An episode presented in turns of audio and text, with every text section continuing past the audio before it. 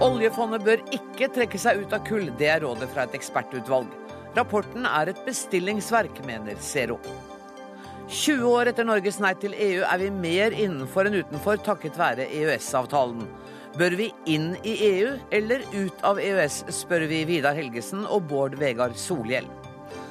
Fra nå blir resultatene fra nasjonale prøver for hver enkelt skole offentliggjort på nettet. Elevorganisasjonen frykter rangering av vinner- og taperskoler.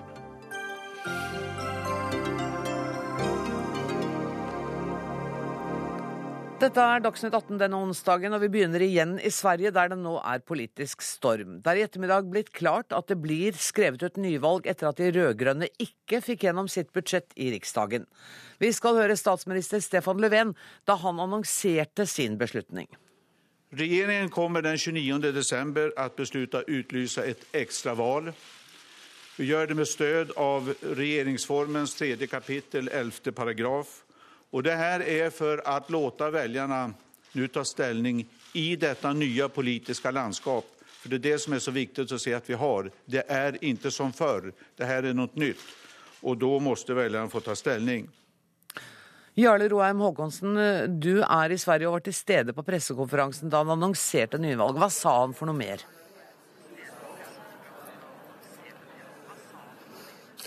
Nei, Han var eh, veldig veldig skuffet over at eh, de hadde brutt sitt løfte, mener han, da, på borgerlig side og begynt å eh, leke med Sverigedemokraterna, i motsetning til hva de sa i valgkampen, og mente da at han hadde en hel blokk fra eh, de borgerlige mot seg, med fem partier, altså inkludert de mye utskjelte Sverigedemokraterna.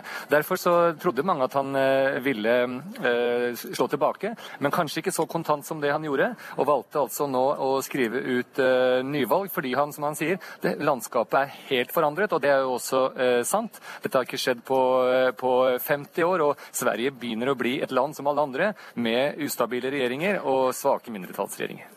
Har det kommet noen reaksjoner fra f.eks. Sverigedemokraterna på beslutningen om nyvalg? Ja, bare For et par minutter siden så holdt uh, Mathias Karlsson, som altså er fungerende partileder i Sverigedemokraterna, en pressekonferanse her i Riksdagen. Jimmy Åkesson er jo sykemeldt med utbrenthetssyndrom. Han sa at uh, dette var ikke det vi ønsket, men vi er veldig klare og vi håper på uh, styrket støtte. Han mente at de hadde kommet med mod, ganske beskjedne krav om stans i den kraftige innvandringen til Sverige, og mente at det ikke var noen grunn til at man skulle kaste helt om på det politiske systemet i Sverige, bare fordi at de som da har støtte fra 800 000 svensker, som de sier, ønsket eh, å eh, dempe innvandringen.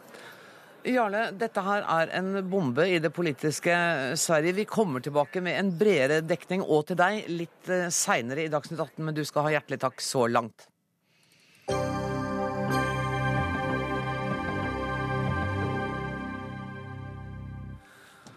Oljefondet bør fortsatt være eier i kullselskaper. Det foreslår ekspertgruppen som har sett på oljefondets investeringer i kull- og petroleumsselskaper.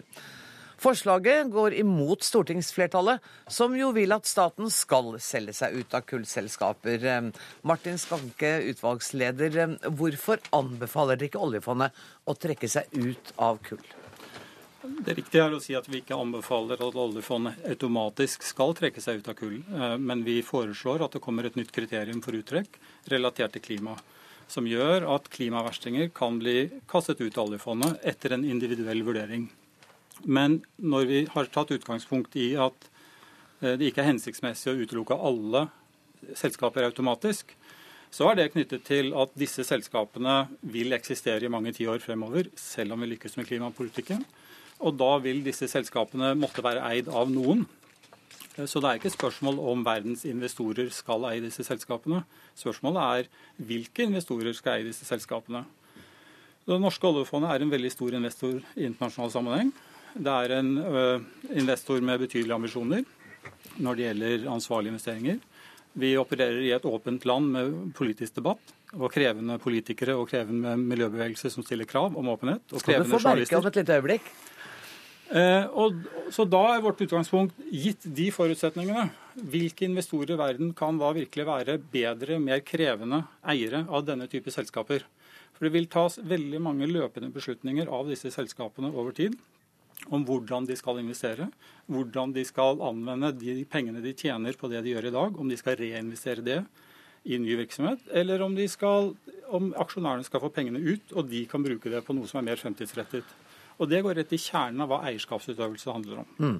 Og I pressekonferansen i dag så brukte du et eh, bilde fra fotballverdenen for å illustrere hvor viktig det var at Norge skulle ikke automatisk gå ut av alt kull. Ja, altså det litt eh, Det jeg sa var at eh, vi er på en måte en eliteseriespiller, eller liksom Champions League-spiller, i, i internasjonal kapitalforvaltningssammenheng. Og Da kan det ikke være fornuftig at de beste spillerne sitter på tribunen og heier, mens dårligere spillere er ute på banen og spiller. Eh, og jeg tror at eh, vi ikke må undervurdere den muligheten vi har til å gjøre noe positivt og til å gjøre en forskjell gjennom eierskap. Vi må ikke være for defensive og må ikke miste troen på at vi faktisk kan gjøre en forskjell som eiere. Men du, du sier at dere synes ikke at vi automatisk skal gå ut. I det ligger at dere synes at vi skal gå ut av noen. Kan ja. du være konkret på hvor mange og i hvilket omfang vi bør trekke oss ut? Nei, det vi har sagt er at uh, dette, vi har, gitt, vi har, laget et generelt kriterium uh, som er knyttet til uh, miljø- eller klimaskade. Og så har vi sagt at vi har et etikkråd. Og det systemet vi har i dag, er jo at Etikkrådet tar de kriteriene og anvender det. Og så har vi også sagt at det beste er jo om Etikkrådet og Norges Bank fremover kan jobbe tettere sammen mm. og koordinere virkemiddelbruken. Slik at vi trekker oss ut fra selskaper der hvor det er betydelig miljø- eller klimaskade, og hvor vi ikke er utsikter til at eh, eierskapsutøvelse kan føre frem. Så det er jo ikke noe mål i seg selv at vi skal selge oss ut av så mange selskaper som mulig. Suksess her er jo at vi klarer å påvirke selskapene til at de oppfører seg bedre. Mm.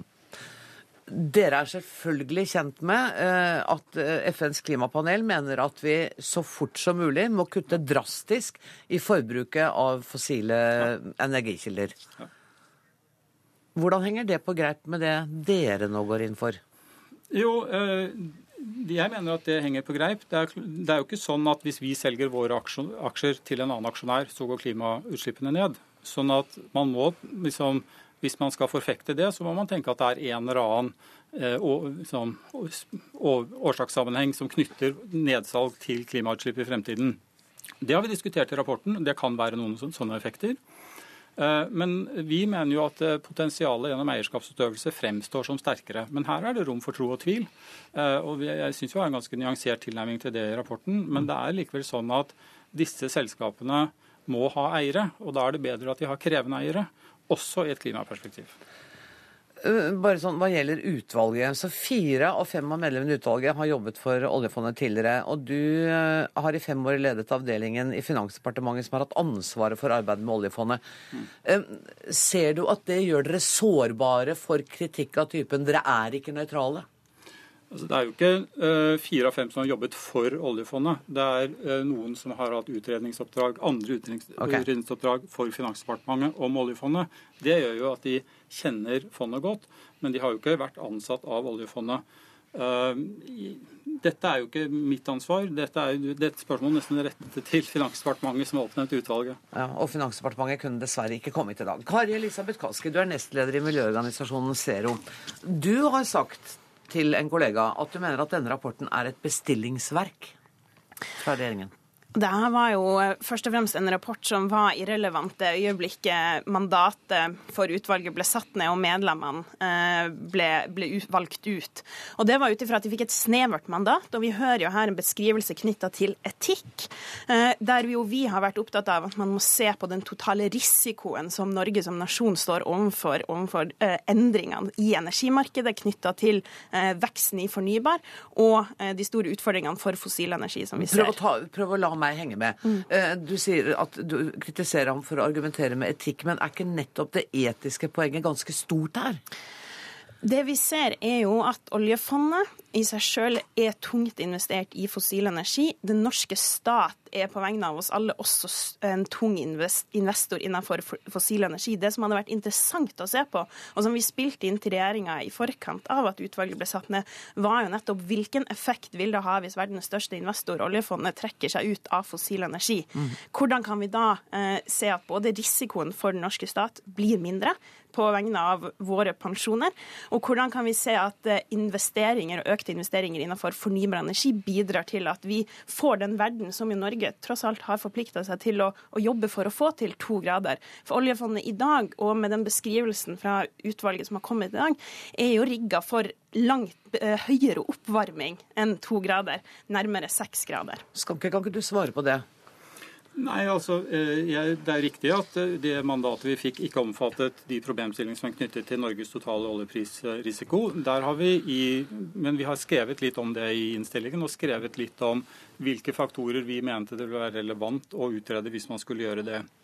Uh, men eh, mitt syn på det er jo, eh, selv om vi ikke har liksom, diskutert dette nøye utvalget, så må vi huske at det vi utvinner av olje hvert år, det representerer reduksjon av vår oljerisiko ved at vi tar olje og konverterer det til eh, investeringer. Mm. Andre investeringer. Ja. Og det i fjor var omtrent dobbelt så mye som volumet av olje- og gassaksjer i oljefondet.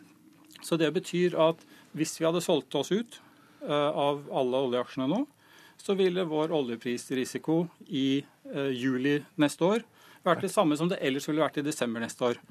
Så det er, Jeg skal ikke avvise at det er en problemstilling, men jeg syns ikke det er en det er ikke den viktigste okay. problemstillingen innenfor investeringsstrategi for oljefondet. Vi skal ikke gå inn i detaljene. Jeg skal gå til Fredrik Hauge her. Du er leder av Bellona, og du har sagt i dag at dere vil ha en ny utredning. Vi jobbet i 2008-2009 med internasjonale eksperter omkring dette med finans. Altså, Utgangspunktet her må jo være hvordan vi bruker oljefondet på en riktig måte for å oppnå eh, omstillingen men, til samfunnet som vi skal inn i. Men er det ikke riktig at dere nå vil ha en alternativ ekspertgruppe? Ja, vi kommer til å sette ned et eget arbeid på dette, og årsaken til det. Og, og, og jeg synes, eh, bare for å si det, uh, utvalget er satt sammen som det er. Uh, mandatet er gitt som det er gitt. Men når man leser utredningen, så har man også valgt å tolke mandatet på en ganske spesiell måte. Jeg tror vi må ha en bred debatt om dette. Eh, når vi anbefalte, eh, og vi ble tatt ganske hensyn til i stortingsmeldingen, så sa vi vi skal ha en negativ screening, altså vi skal hive ut verstingene. Mm -hmm. Og så skal vi etablere et fond som ikke følger indeks, og som kan drive aktive investeringer. Vi har ikke fått det erfaringsgrunnlaget som var meningen den gangen, fordi man har investert i eiendom på Buckingham eh, Palace Road og i Bernard Eccleston og Formel 1 istedenfor Tesla, for å si det litt brutalt. Det er veldig synd. Så det er liksom én diskusjon hvordan vi helhetlig skal bruke oljefondet. Den andre diskusjonen, som heller ikke dette utvalget kan ta stilling til, det er jo prisrisikoen på hva som skjer med kull nå. Mm. Altså, ut fra et finansielt perspektiv så er det jo idiot å drive og investere i kull. Så sånn sett så er det ikke sikkert at den diskusjonen er nødvendig. Så kommer det noen mer prinsipielle sider. Og det jeg har lyst til å peke på, det er KLP gikk ut nå. det skal sa, vi komme tilbake til. Ja, det, det kommer litt seinere i denne sendinga. Vi skal ta det i år, skjønner du. Ja, fordi vi vurderer ikke hvordan vi kunne brukt de pengene istedenfor til å investere i langsiktige infrastrukturprosjekter på fornybar. Og den største ressursmangelen er mangel på kapital for å få det til. Men jeg synes det høres ut som dere ikke sitter i samme rom og snakker sammen. For når du hører Skanke, så sier han mm. eh, aktiv eierinteresse er vel så bra. Ja, men Argumenter mot han, ja, ikke kom alt dette nye. For, fordi at vi har ikke fått den erfaringen gjennom det som ble fristilt fra indeksen forrige gang det ble gjort. Dessuten så er det 635 selskaper dette gjelder. Da skal du løpe, du skal forberede, du skal være forutsigbar. Du skal, en, du skal ikke bare løpe på, på generalforsamlingen og vifte med flagget, du skal ha en strategi. Det er ikke noen ting beskrevet i dette utvalget om hvordan noe sånt skulle gjennomføres. Og, og, og, det er en stor mangel, for da har vi ikke et reelt valg. Og derfor så må vi gjøre det mer sektorvis. Mm. Kaski skal få ti sekunder. Det ble jo sagt fra Skanke tidligere i dag på pressekonferansen at det er ikke inne, inne på dette området at slaget står i klimapolitikken. Men det er nettopp her slaget står. Det etterlyses ifra eh, alle globale miljøer nå investeringer i fornybar infrastruktur og vri investeringene fra fossil til fornybar. Og denne rapporten innebærer synsing innenfor klimapolitikk. den innebærer synsing innenfor energimarkedene, og den innebærer synsing innenfor hvordan kraftmarkedet vil endre seg i årene framover. Og vi skal ta det store politiske slaget. Jeg skal først uh, takke dere for at dere kom. Martin Skanke, Kari Elisabeth Kaski og Fredrik Hauge. Og inn i studio skal det nå komme en uh, lang rekke politikere. Uh, her kommer Bård Vegar Soriel, Terje Breivik og Truls Wickholm. Hjertelig velkommen, Gjermund Hagesæter også. Jeg begynner med deg, Gjermund Hagesæter. Er du fornøyd med det du har eh, lest i dag? Dette, nå har ikke jeg lest hele rapporten, og sånt, nei, det men, dette, jeg, men, nei, men dette er jo en ekspertgruppe som er satt ned, og som jeg syns har gjort en grundig og en god jobb, og som har mange interessante og gode innfallsvinkler i forhold til, til denne problemstillingen. her, og Jeg er helt enig i det som er sagt, at altså, man vil jo ikke få redusert CO2-utslippene bare ved å selge aksjer over til noen andre. Alternative kjøpere er sannsynligvis russere eller kinesere. Og jeg tror ikke de, at de vil stille noe strengere miljø- og klimakrav enn vi gjør. Tvert imot. Truls Wickholm, eh, hva synes eh, Arbeiderpartiet om dette?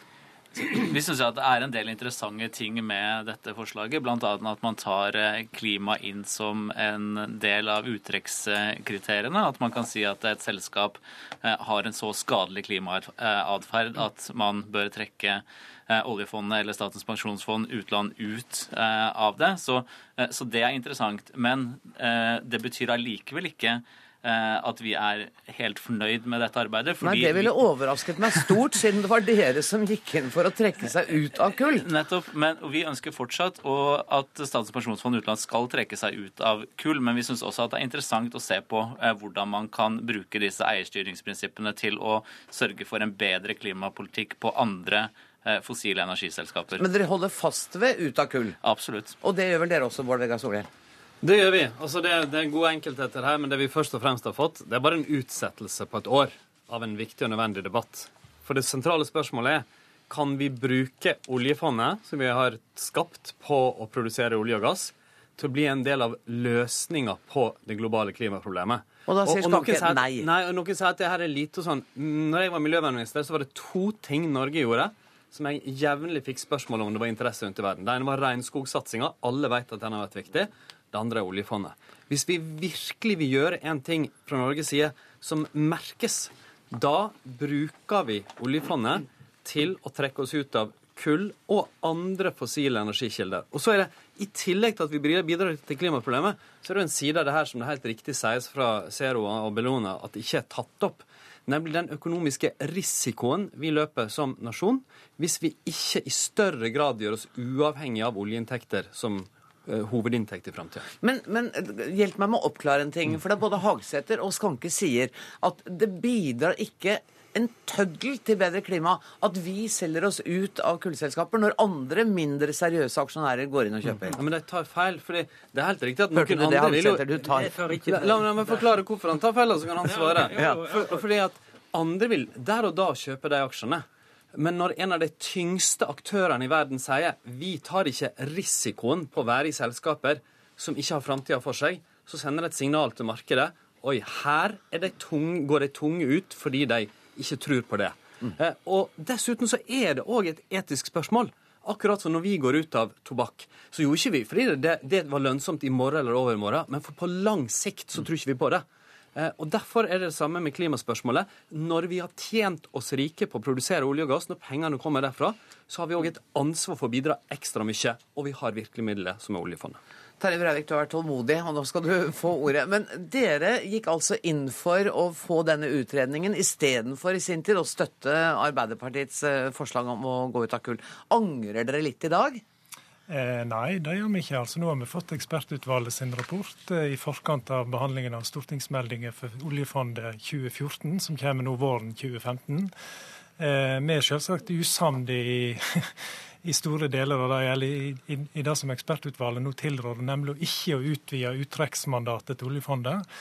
Vi, vi, vil jo gå lenger enn det Arbeiderpartiet foreslo i Stortinget i vår. Altså ikke bare å avgrense seg til rene kålselskap, men fossile selskap som sådan. Dere vil gå lenger enn Arbeiderpartiet, men dere får et kort Altså, dere går ikke så langt likevel? Nei, men nå får ikke jeg fullføre. sant? Altså, i, i, forhold til, I forhold til det vi hadde forventa, og mandatet til ekspertutvalget, så er det klart vi er, vi er en, en stykke skuffa i dag. Ja, det var det jeg spurte om. Er ja, dere skuffa? Ja, nei, sa vi. Vi er skuffa i forhold til det de har lagt på bordet, men vi angrer ikke på at vi, vi gjorde dette. Sant? Nå har vi jo en unik mulighet til å gå, gå betydelig lenger enn det Arbeiderpartiet foreslo i fjor, og ikke bare gjøre uttrekk av rene kålselskap, som ved invitasjonen.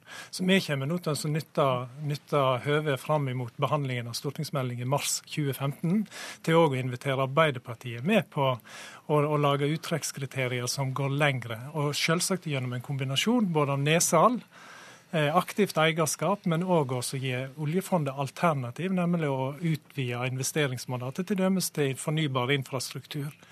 Eh, framveksende markeder. Uh, ja, Hagesæter først. Ja, jeg har jo lyst til å spørre altså, logikken her. altså Hvis man da skal selge seg ut av kull i oljefondet, så driver jo Norge da på Svalbard kullutvinning. Uh, bør man ikke resonnementet at man også bør selge seg ut av Store Norske? Eh, fordi at vi driver jo med direkte produksjon der, som vi selger da til kullkraftverk i Europa. Eh, og der vi også importerer kullkraft fra disse kullkraftverkene eh, i såkalt tørre år.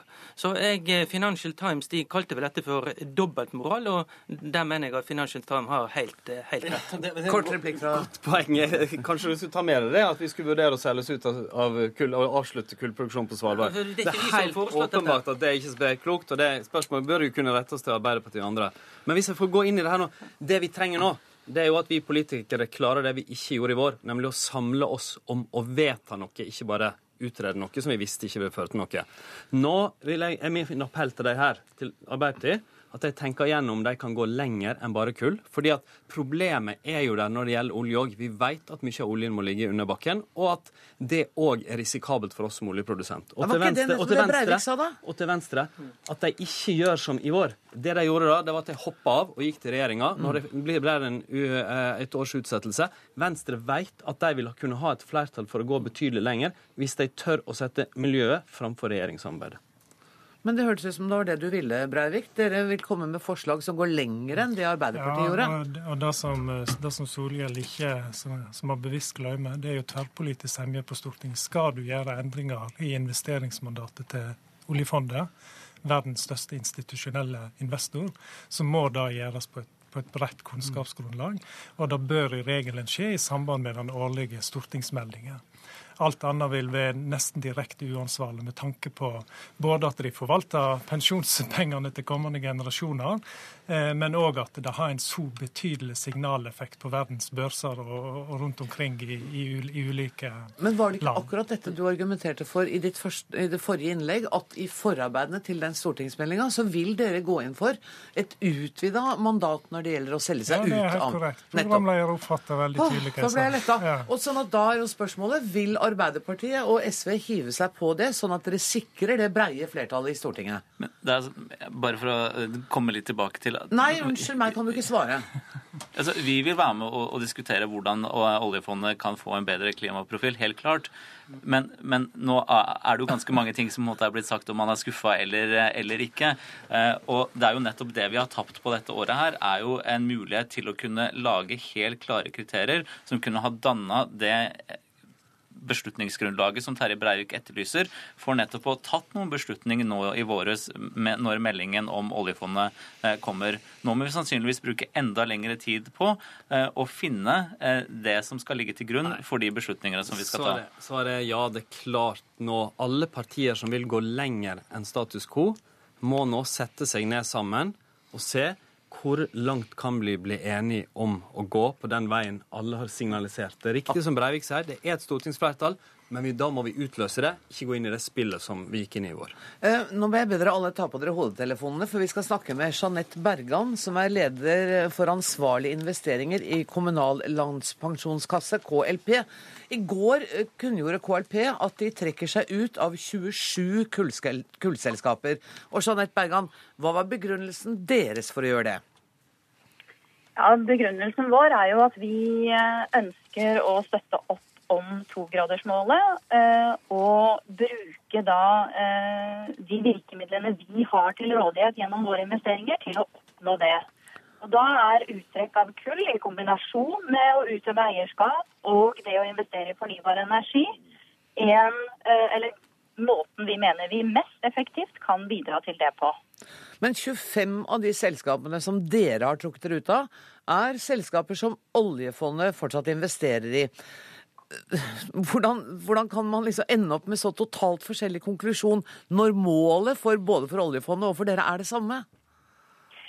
Ja, men det er vel kanskje akkurat uh, hvert fall sånn jeg har lest denne rapporten, så har de gjort veldig mange av de samme vurderingene som det vi har gjort. Og de har kommet til mange av de samme konklusjonene. Uh, men det som er litt forskjell, er at uh, de kanskje ikke har vært like tydelige på hva de ønsker å oppnå. Og så er det også det at når man skal utøve eierskap i veldig mange selskaper, så kan det å trekke seg ut og sende et signal om hva man ønsker fremtidige inntektsstrømmer skal komme fra, det kan ha en veldig stor effekt på selvfølgelig enkeltselskaper, men også de som blir trukket ut av, men også veldig mange andre selskaper. Og Vi har allerede sett de siste dagene at det kommer selskaper på banen som sier at de kommer til å uh, gjøre om sin energimiks. De vil jobbe for fornybar energi, de vil kanskje avvikle kullvirksomhet. Sånn at et sånt signal fra et av verdens største fond, det ville ha en enorm effekt uh, på selskaper verden over. Uh, ja, vær så god. Det er jo nettopp det KLP og Storebrand har gjort før, og andre gjør nå, som betyr noe overfor investorer. Og, petroleumsfondet kunne ha, eller oljefondet kunne ha enorm effekt. Jeg tror litt av problemet er at det eksisterer en forestilling om at oljefondet skal ikke drive politikk. Som om det ikke er politikk å bli værende i verdens kullselskaper. Det er det. Hagesæter, du må også få lov å kommentere KrPs ja, eh, utsagn. Ja, altså, det må jo de vurdere sånn som de vurderer det. Men, jo, men det er jo men, interessant. Jo, ja, men altså, det er klart at dette er symbolpolitikk. Og det er klart at eh, jeg, jeg, står fortsatt fast på det som flere har sagt også, det at selv om vi selger aksjene til russere til kinesere, så vil det ikke bli eh, noe positivt i forhold til CO2-utslippet. Dette, dette, vil være symbolpolitikk. Og, og faktum er jo, realiteten er jo det at verden er avhengig av kullkraft. Eh, i mange mange år fremover. Da må man heller gå inn i den problemstillingen. Det å liksom selge aksjene over til noen andre det... vil altså ikke løse noen ting. Og så er det også slik at Hvis disse kullselskapene skal ha seriøs drift, så er de avhengig av seriøse eiere. Oljefondet er en seriøs eier. Terje Breivik. Dette er jo langt mer enn symbolpolitikk. Altså Når du hører nå KLP, og ære være KLP som tar et, et, sånt ansvar for togradersmålet For du kan jo snu deg på og si hvis du ikke tar et ansvar for togradersmålet hvis ikke det er brudd på menneskeretter i forhold til framtidige generasjoner, hva er da brudd på menneskeretter? Så det er klart, og, Når KLP opplever at de har en sånn effekt på markedet, så tross alt er de er rett nok en stor investor, men en betydelig mindre investor enn oljefondet. Så det er klart at det oljefondet gjør og ikke gjør i, på verdensmarkedet, blir virkelig en, en magnet for hvordan ulike selskap vil opptre for å gjøre seg attraktive. Mm.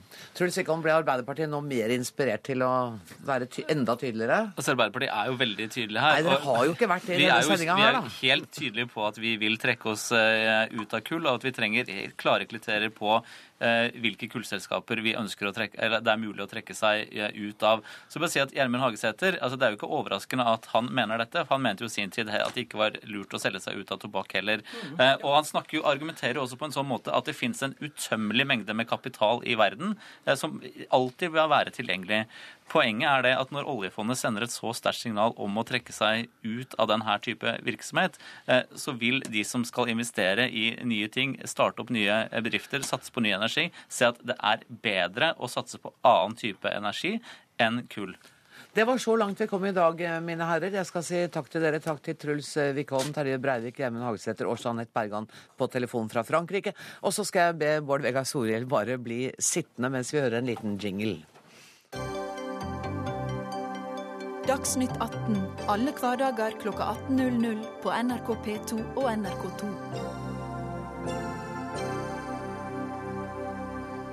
Det har altså gått 20 år siden den siste EU-avstemningen, og i løpet av disse årene er en tredel av norske lover basert på EU-lovgivning. 1000 forskrifter er EU-regulert.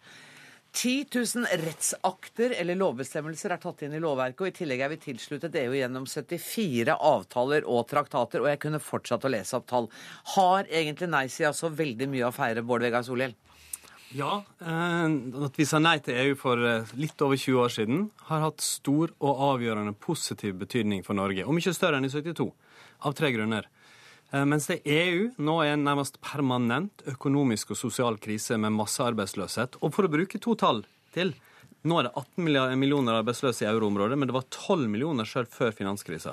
Så har vi i Norge klart å beholde en økonomisk og sosial modell med lav arbeidsløshet. Litt pga. olje, litt pga. god politikk fra enkelte regjeringer, men òg fordi vi står utenfor den økonomiske monetære unionen.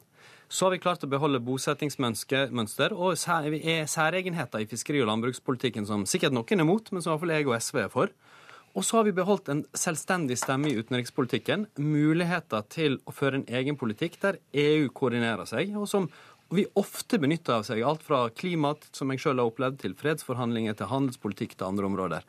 Eh, jeg mener at det var viktig og riktig, og befolkningen er nå er det 70% eller noe sånt som er imot, så jeg tror det står seg ganske godt.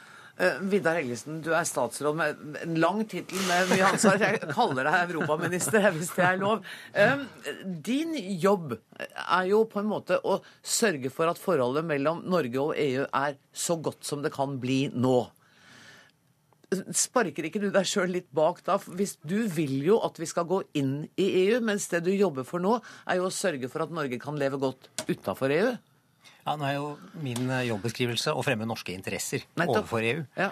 Og det må vi gjøre gjennom eh, alle de 74 avtalene vi har. Og det er EØS-avtalen som er den aller, aller viktigste.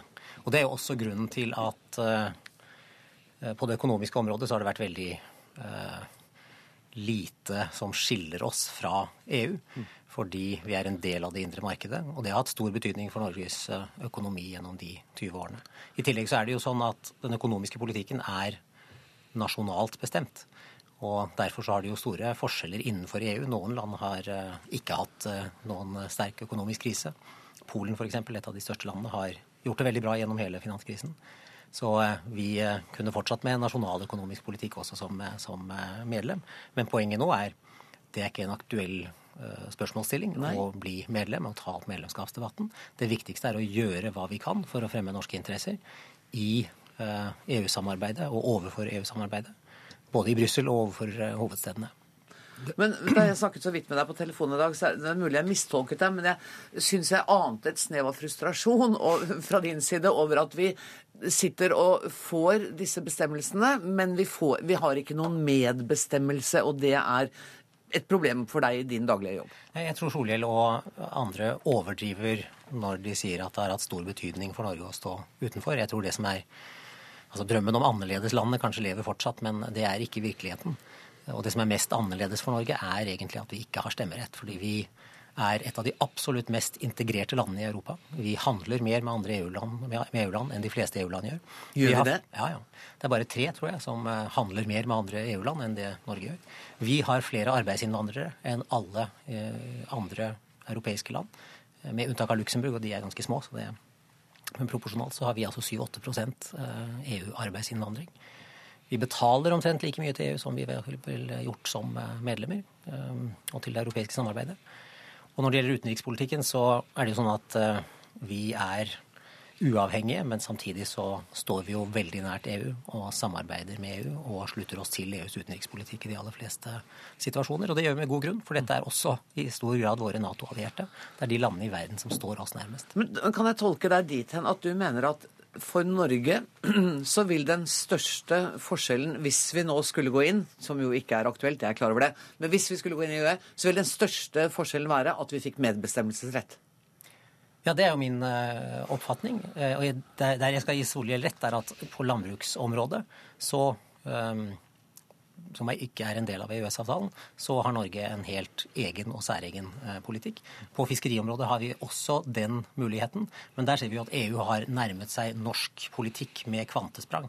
Og fiskeri- og havbruksnæringen er jo mest opptatt av én ting, og det er at vi må få større markedsadgang til EU.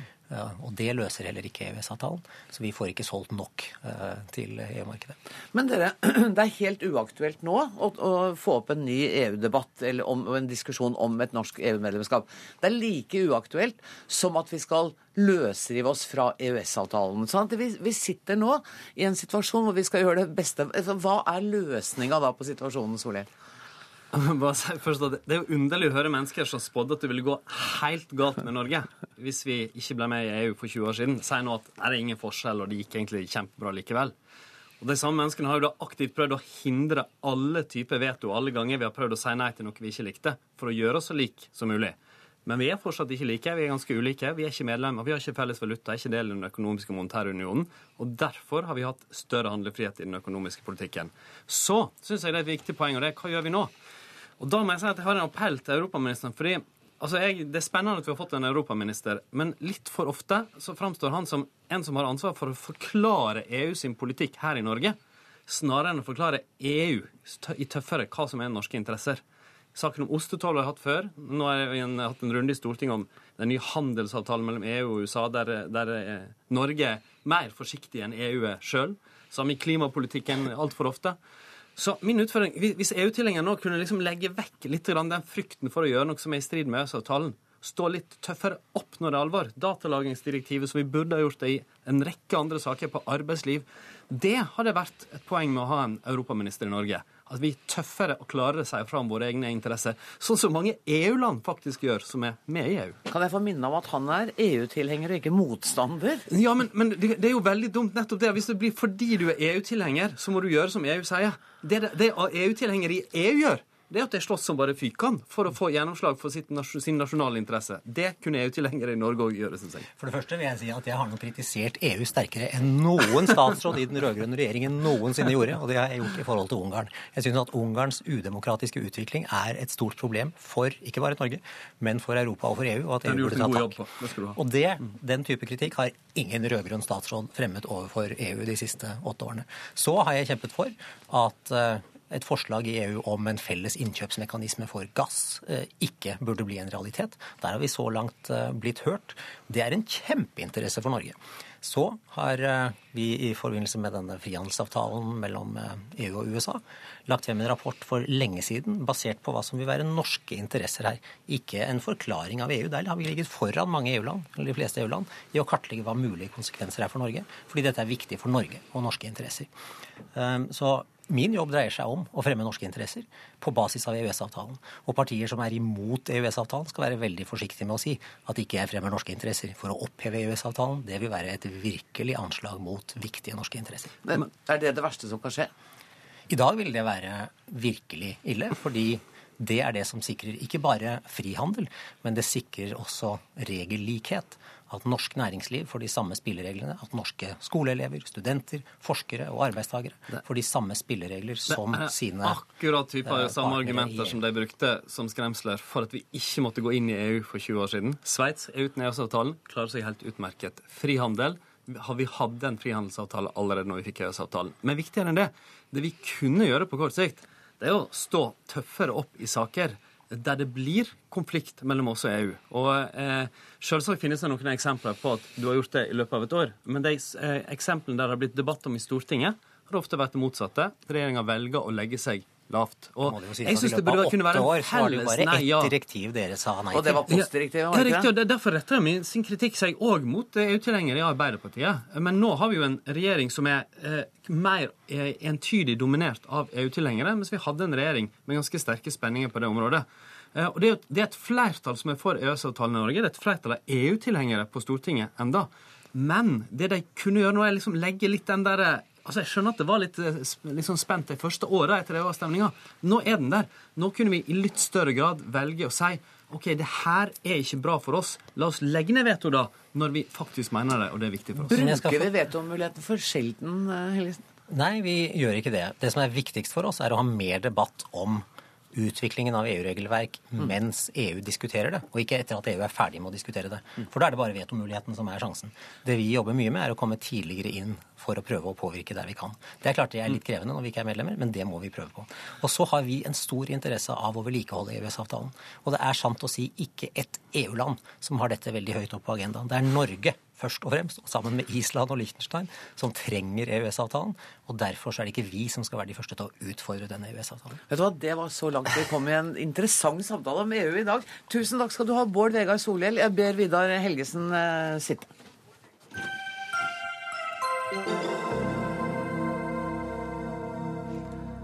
Etter at den rød-grønne regjeringens statsbudsjett i Sverige ble nedstemt eh, i Riksdagen, er det altså klart at det blir nyvalg. Men har regjeringskrisen endret på maktforholdene i den svenske riksdagen? Først til deg, eh, Jarle Roheim Haakonsen. Jeg spurte deg i begynnelsen av sendinga hvordan stemningen var. Hvordan er den nå? Nei, nå er den litt uh, stille og litt sånn matt. Uh, folk går rundt uh, svette og litt sjokkerte her i Riksdagen og rapporterer til sine valgkretser eller til sine redaksjoner om et politisk jordskjelv som ganske få så komme. Det var flere alvorlige menn som hadde viktige jobber her, som ikke engang hadde tatt med seg ekstra skjorte til møtene. og Det ble da et toskjortersmøte hvis man satt i de viktige forhandlingene som har vært her i Riksdagen i dag, og som endte også opp med Eh, et, eh, et, eh, et, sjokk for de fleste, og særlig da for Stefan Löfven, som trodde at han ikke skulle oppleve at den borgerlige blokken slo seg sammen med de utskjelte Sverigedemokraterna. Og, og nå blir det altså Nå, nå blir Löfven sittende. De kommer til å skrive ut nyvalg 29.12., er det ikke så? Og så blir det valg den 22.3 neste år. Ja, fordi de hadde jo da bare sittet nå i to måneder før uh, han måtte innse at han hadde blitt uh, spent alvorlig bein på. slik at det, Konstitusjonen sier at han kan ikke skrive ut nyvalg før det har gått tre måneder. og Det blir da i romjula at han skriver ut, og i 22. mars, da ganske mot slutten av den perioden de kunne ha holdt det, så blir det nyvalg. Det var for at hele systemet skal jo gå i gang. Antageligvis så hadde det vært en fordel for sosialdemokratene å fått det ganske fort, mens mange mange velgere nok kanskje ser at her har man, eh, her har man vært eh, rimelig tøffe i klypa med Löfven. Og det, det bruddet som har vært da med uh, kutyme Sverigedemokraterna har da for første gang uh, stemt uh, ganske annerledes. De har sagt at vi er ikke enig i dette borgerlige budsjettet i det hele tatt, men vi stemmer for det likevel. Og dermed felter de da Löfven. Claes Arvidsson, du er tidligere redaktør i Svenska Dagbladet og har fulgt regjeringskrisen i Sverige veldig nøye. Er du overrasket over det som har skjedd nå? Jag er faktisk overrasket eh, over det val som Stefan Löfven gjorde, nemlig å utlyse nyval. Jeg hadde trodd at han skulle velge at i stedet bilda en egen sosialdemokratisk regjering. Nå tar han en veldig stor risk. Men han sa, så vidt jeg forsto, så sa han i pressekonferansen at uh, han har ikke noe annet valg. Han kan ikke danne en egen sosialdemokratisk regjering fordi at valgresultatet var det det var. Og ingenting har endret seg siden den gang. Hvordan, hvordan ville en sosialdemokratisk regjering ha kunnet møte den opposisjonen som da ville være både fra venstre og høyre?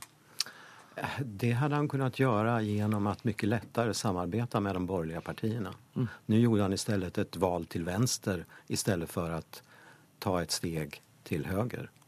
Har han også gjort feil i behandlingen av Sverigedemokraterna, syns du? Ja, det beror på hva du mener med at han har gjort feil i behandlingen av Sverigedemokraterna. Sverigedemokraterna står for en egen linje i integrations- og migrationsfrågor. Og eh, at Stefan Löfven skulle ha bjudit inn dem til en diskusjon kring deres agenda det tycker inte jag är fel. Det, det är, skulle ha varit i strid med eh, det Socialdemokraternas egen ideologiske ståndpunkt. Selv om Sverigedemokraterna også er det tredje største partiet? Ja. Mm.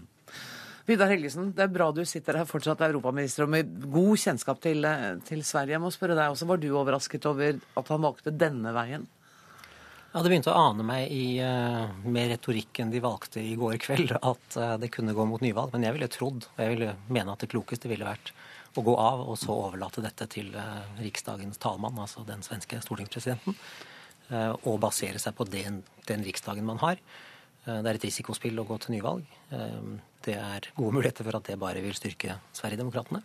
Og fundamentet her er jo en feilvurdering som ble gjort tidlig ved at de valgte å gå til venstre i stedet for å søke eh, samarbeid over blokkgrensene. Det er den samme analysen som Arvidsson har, altså at, at de gjorde en feil i, i det.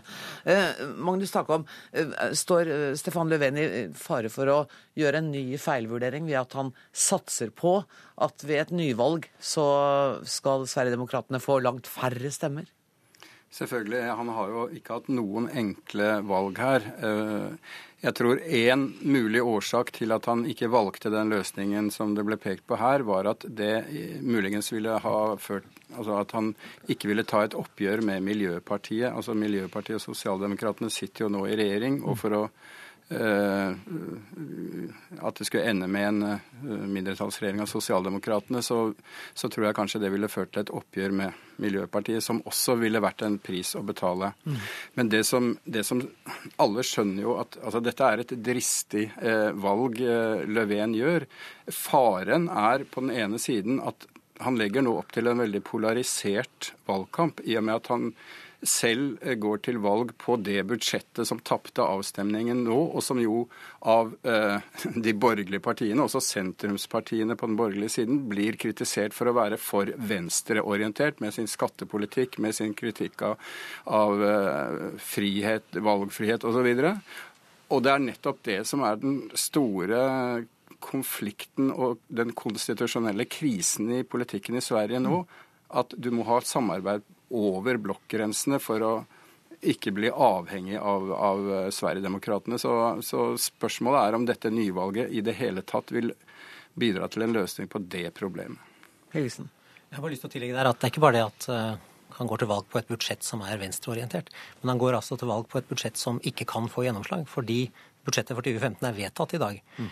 Og da er det veldig små muligheter under den svenske grunnloven å endre på det. Er det så, det? Så det er noe med lesningen av den politiske situasjonen som jeg syns er underlig. Og den er underlig ikke minst når den kommer fra sosialdemokratene. Dette er jo den tradisjonelle ørnen blant partiene i Sverige, og det er et veldig nederlag for hele bildet av styringsdyktighet for sosialdemokratene. Allerede det ganske svake valgresultatet deres var et nederlag. Nå er dette et ytterligere nederlag. Og spørsmålet er om de vil klare å, å komme seg fra det. Og jeg tror at den polariseringen de har lagt opp til i regjering, har gitt Sverigedemokraterna en større rolle enn de ellers ville fått hvis de hadde bygget bro. Og denne beslutningen vil, som Takvam er inne på, styrke den polariseringen. Og det er altså mulig at Sverigedemokraterna vil være vinneren på det. Arvidsson, er du enig i den analysen? Eh, ja, jeg holder med om den, men jeg skulle vilja tillegge det at eh, vi kommer jo nå se en valrörelse som ja, egentlig redan har startet, og det kommer være en veldig polarisering fram til valget. Eh, men eh, jeg tror at det kan også kan komme andre dager når valgresultatet fins, og eh, faktisk muligheter til overraskende blokkoverskridende arrangement når, altså, når krutrøken har lagt seg. Etter 22. mars ja. neste år. Mm. Det kan hende. Eh, altså Til spådommen om at Sverigedemokraterna nødvendigvis vil vinne på dette valget, så, så kan selvfølgelig det skje hvis innvandringssaken eh, blir den øverste på dagsordenen. Det tror jeg kanskje ikke vil bli tilfellet. At det blir snarere regjeringsspørsmål og samarbeidstema som kanskje kommer til å dominere. Eh, og det er det valgresultatet i september eh, viste, var at eh, Sverigedemokraterna vant veldig mange av sine velgere fra Moderatene og tidligere Moderat-velgere som gikk til Sverigedemokraterna. Og hvis de, nå er, eh, hvis de nå legger ansvaret for det kaoset som har oppstått nettopp på det partiet, så kan det hende at de angrer seg og kommer tilbake til Moderatene. Så det er også en mulig utgang på det hele. Men nå har jeg sett flere aviser allerede spekulerer i at Moderaterne forbereder seg på å overta regjeringsmakten.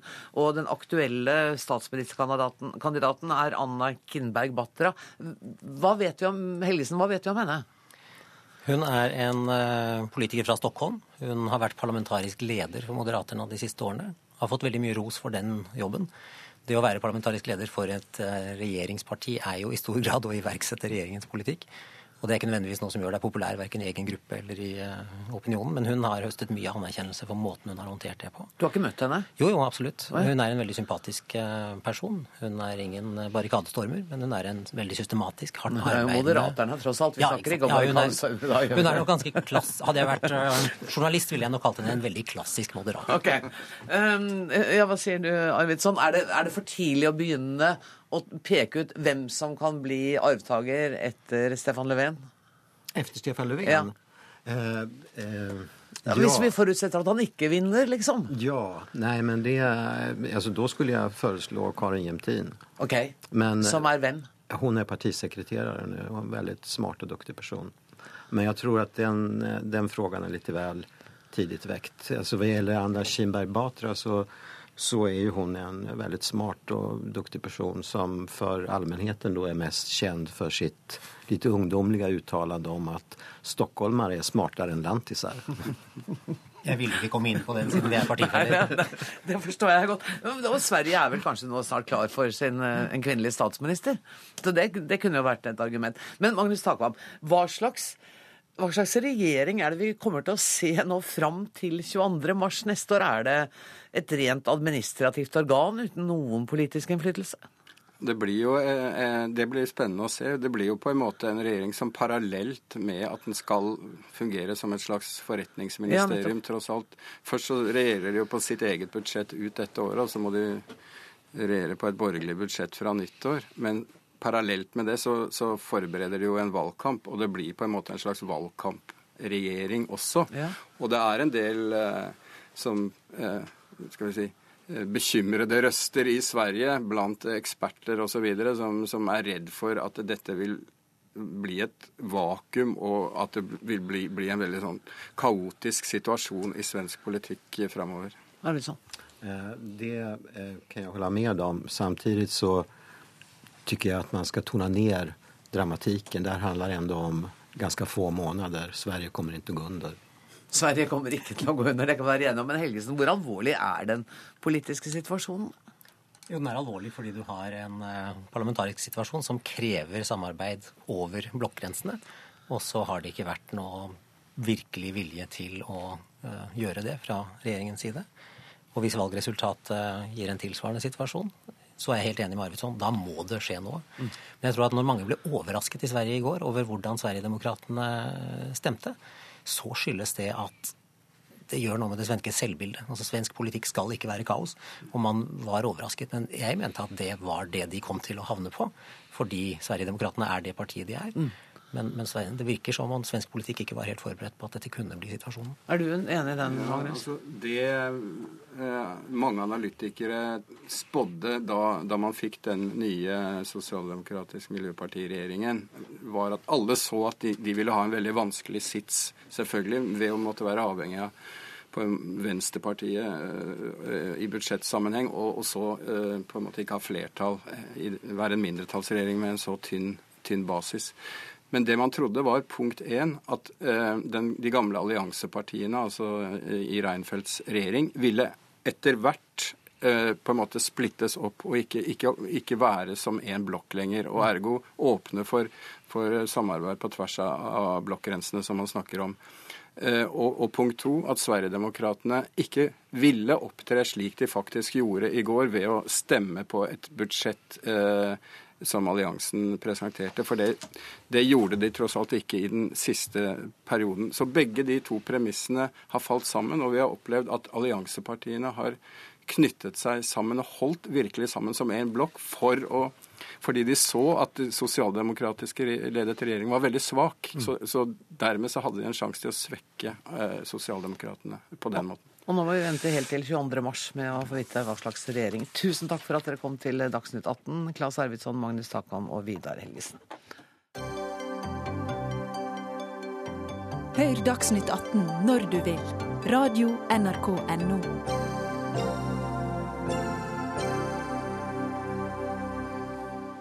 I går kom resultatene fra nasjonale prøver i engelsk, lesing og regning for 8. og 9. trinn. Nytt av året er at regjeringen har bestemt at disse resultatene skal offentliggjøres også på skolenivå.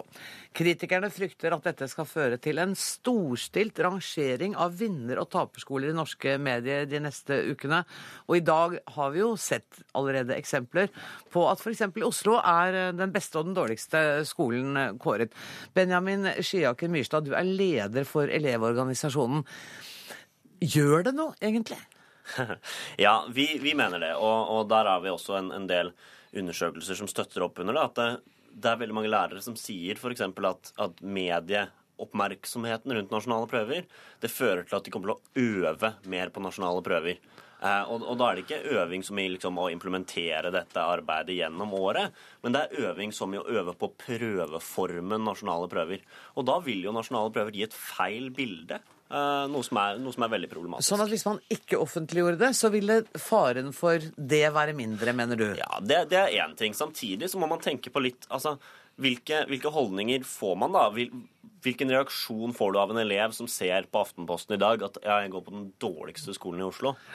Hva, hva, tenker den eleven? Den eleven vet jo at jeg har jo svart på den prøven. Det er jo, det er jo mine Nei. resultater. Eh, og, og, det også er en, en, et stort problem med det. Henrik Asheim, stormende inn i studio, litt forsinka, men hjertelig velkommen skal du være. Du sitter i utdanningskomiteen for Høyre. Hvorfor er det så viktig at vi skal kunne se hvilken skole som er best og hvilken som er dårligst? Altså, dette er informasjon som egentlig er offentlig i dag. Man kan be om innsyn på dette. Og det vi har sett, er jo at en del journalister har blitt satt på å sitte og plugge ned hva som er hva, og så lagre sensasjonsoppslag. Og det vi har sagt, er at på den ene siden så er det viktig å være åpen om resultatene. Altså, jeg tror vi har alt å tjene på å være åpne om det. Og så er det slik at Hvis det er sånn da, at en skole i kommunen er dårligere enn en annen, hvorfor skal vi holde det hemmelig? Altså Er det ikke bedre om de som har ansvaret for den skolen, som er kommunestyret, da, at de får vite det? Akkurat som at rektor får vite det, at lærerne får vite det, og at elevene får vite det, slik at man kan sette inn ressursene, sånn at den skolen også blir bedre. Men du, jeg gikk inn på den Bare et lite øyeblikk. Jeg skal prøve å liksom argumentere på dine vegne Ja, ja. For jeg gikk inn på den skoleportalen, mm. Eh, og gikk inn på en skole. Eh, og der du får vite akkurat hvor mange elever som har avlagt prøven, og du får vite akkurat hvordan de ligger i forhold til de andre skolene. Jeg tenkte hvis det var min unge som kom hjem og hadde gått på Oslos dårligste skole, for det hadde hun lest i avisen, er det en informasjon hun trenger å ha? Men det er, altså for det første er det slik at det vi gjør med offentliggjøringen nå, er at du kan kun sammenligne to og to skoler. Uh, og så er det slik at Du kan kun sammenligne oppover, altså du kan sammenligne skolen din med kommunen eller fylket eller nasjonalt. Uh, men du kan ikke sitte og lage den til rangeringer. Journalistene kan jo gjøre det hvis ja, de vil, men det har de alltid kunnet, og det har de alltid gjort. Det vi gjør nå, er å, en, å legge det frem på en måte som gjør at det er ikke ment å rangere. Men, men, informasjonen er tilgjengelig. Ja. Men så er det altså slik at, fordi Spørsmålet blir så rart. fordi Hvis din datter går på en skole som viser seg å være den dårligste i Oslo, så er det jo det som er problemet. Problemet er jo da at da må vi gjøre noe for at den skolen blir bedre. I bystyret i Oslo har de lenge hatt noe som de kalte for Oslo-prøven, lenge før nasjonale prøver kom. Der har de sett og puttet inn ressurser, ekstra lærere, der hvor de har sett at resultatene ikke er eh, gode nok. Oslo-skolen er i dag landets beste. Ja, Men, men unnskyld meg, det, disse prøvene sier jo absolutt ingenting om skolekvalitet. Disse prøvene er ikke lagd for å uh, si noe om skolekvalitet, de er lagd for å si noe om hvordan kompetanse innehar disse elevene på akkurat det tidspunktet de tar prøven. Men har ikke og, og det noe med skolekvaliteten å gjøre? Fordi det er veldig mange andre faktorer som spiller inn. Altså elevgrunnlag og sosioøkonomisk bakgrunn. Alle disse tingene spiller jo inn på hvordan elever presterer. ikke sant? Det sier jo ikke noe om om kanskje du får en kjempegod skole som får elever som kanskje hadde ligget på en, på en 40, eh, men som får de opp til en 45. Og det, det vet man ikke. Det vet man ikke i år. Neste år vil man kunne se det med endringene som har blitt gjort. Men, men så er det jo litt prinsipielt her også, da. Hvorfor skal jeg kunne gå inn for, Og Henrik sa man ikke kan, kan sammenligne med skoler. Det kan man. Ja. Man kan gå inn og sammenligne med en annen skole. Ja, Men bare med én annen. Du kan, ja, du kan men, men, men unnskyld meg, da er det jo bare å skrive ned, og så kan man få liksom, en liste på fire skoler. Det er ikke et problem. Eh, men spørsmålet er jo litt hvorfor. Hvorfor skal man gjøre sånt? Hvorfor skal jeg ha informasjon om skoler den informasjonen betyr ikke noen ting for meg. For meg betyr ikke en 50 eller en 51 noen ting. For de som jobber på skolen, og for de som, som er i skoleadministrasjonen, så betyr det noe. De kan bruke det til kompetanseutvikling. De har analyseverktøy. Foreldrene som får denne informasjonen i dag, de trenger veiledning fra lærere. De får det i dag. Andre misforstår denne informasjonen, og da er det problematisk. Da kan man ikke gjemme seg bak og si at dette har blitt gjort tidligere, så da gjør vi det sånn i år også. I dag er det slik at det er offentlighet om eh, mobbetall på en skole. Det er offentlighet om hvor mange elever det er per lærer. Veldig mange sånne ting som det ligger offentlig. Alle kan sjekke det. Det som ikke er offentlig, det er hvordan skolen presterer eh, faglig. Så er det helt riktig det som Benjamin sier, at det er et problem at man kan da si at hvis bare elevene var veldig flinke på den skolen hvert år, så ville de jo ikke score og sånn videre. Men derfor så gjør vi noe sånn at nå kan du sammenligne resultatene på den skolen fra ett år til et annet. Du kunne få en linje etter hvert som viser hvordan utviklingen er. Går det opp eller ned? Mm. Eh, og poenget er at jeg mener bare at skolen har et helt særskilt samfunnsoppdrag. Og det er å både undervise barna våre, viktig for allmenndannelse osv. Og, så og da har vi alt å tjene og ingenting å tape på å være ærlig på hvordan den skolen presterer. Og det er ikke laget for å rangere alle skolene, men du kan sammenligne dine barns skole med naboskolen og se om de leverer. Henrik Asheim, du kom seint, men du fikk også siste ord. Denne sendinga fra Dagsnytt 18 er nemlig slutt. med å si takk også til Benjamin Skiaker Myrstad. Helt til slutt så skal jeg bare fortelle at ansvarlig for Dagsnytt 18 i dag var Alf Harken. Det tekniske ansvaret er det Erik Sandbråten som må påta seg. Jeg heter Anne Grosvold, og vi høres i morgen. Takk for nå.